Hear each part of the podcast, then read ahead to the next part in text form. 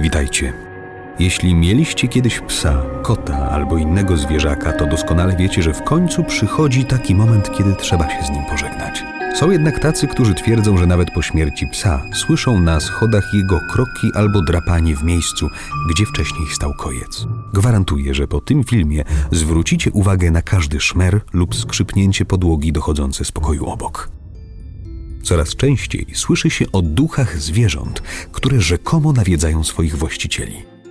Domowi pupile, których jak się wydaje nie powinno już być wśród nas, pojawiają się też na fotografiach. Swego czasu głośno było o kilku takich przypadkach. Pierwszy z nich miał miejsce w Buckinghamshire w 1916 roku, kiedy to Arthur Springer uwiecznił na zdjęciu bezgłowego psa. Zarzekał się, że robiąc zdjęcie swojej rodzinie nie było w pobliżu żadnego zwierzęcia, a już na pewno takiego, które nie ma głowy.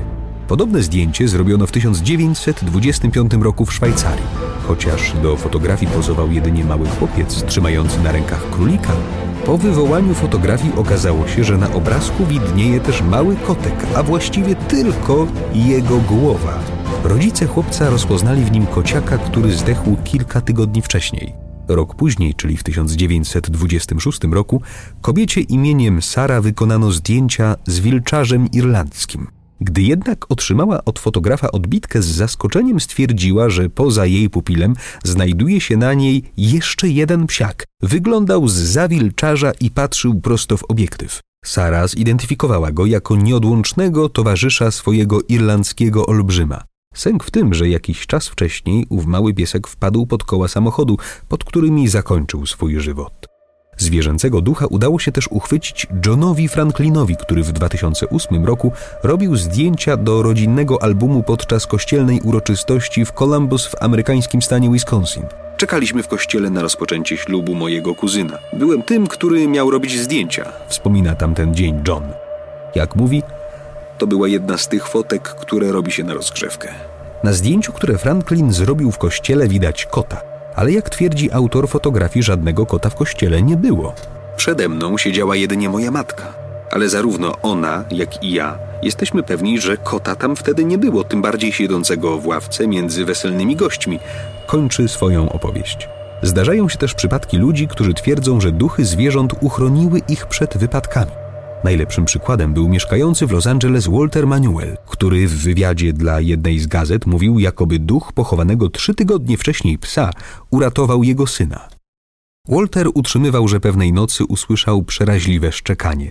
Zerwał się jak oparzony, podbiegł do okna i z zaskoczeniem stwierdził, że jego dwuletni syn wpadł do basenu. Nie wiedział, w jaki sposób chłopcu udało się opuścić dom. Był natomiast przekonany, że gdyby nie znajome ujadanie, chłopca nie udałoby się uratować.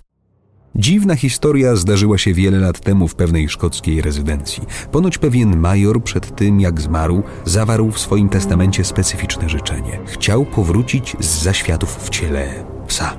Zaskoczeni tą fanaberią członkowie jego rodziny przestraszyli się nie na żarty i po jego śmierci kazali wystrzelać wszystkie psy znajdujące się w posiadłości. Stało się jednak coś, czego nikt się nie spodziewał.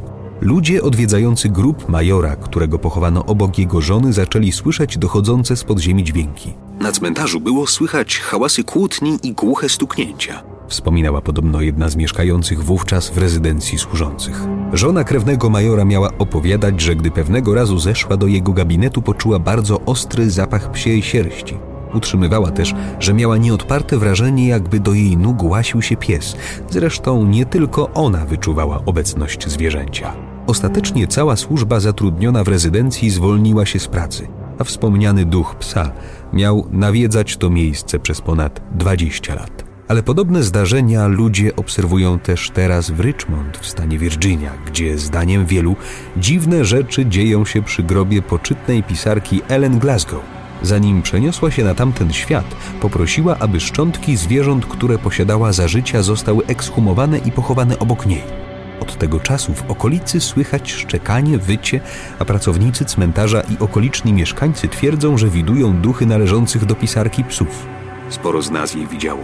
Przechadzają się po cmentarzu, jakby od lat pilnowały grobu swojej pani. Opowiada jeden z grabarzy pracujących na Hollywood Cemetery. Ludzie od zawsze spierali się o to, czy zwierzęta mają duszę. I choć niektórzy są nastawieni sceptycznie, to są też tacy, którzy duchowości zwierząt mówią zdecydowane tak. Należeli do nich chociażby Pitagoras i Arystoteles. Czy jednak rzeczywiście odwiedzają nas po przejściu na drugą stronę? Niewykluczone, choć naukowcy mają oczywiście swoją teorię. Zdaniem psychologów tego rodzaju zjawiska można łatwo wytłumaczyć smutkiem po stracie ukochanego pupila i towarzyszącym mu halucynacjom. Dowodem ma być to, że z czasem wspomniane duchy przestają nawiedzać ich właścicieli, a to znaczy, że ci pogodzili się w końcu ze stratą. A wy jak sądzicie? Czy zwierzęta mają duszę? Czy mogą pilnować swoich opiekunów, będąc w zaświatach? A może sami doświadczyliście podobnych sytuacji? Jeśli tak, koniecznie podzielcie się swoimi historiami w komentarzach i dajcie znać, co sądzicie. A jeśli podobał Wam się film, zostawcie kciuk w górę i subskrybujcie nasz kanał, dzięki temu nie przegapicie kolejnych sekretów świata. Do zobaczenia!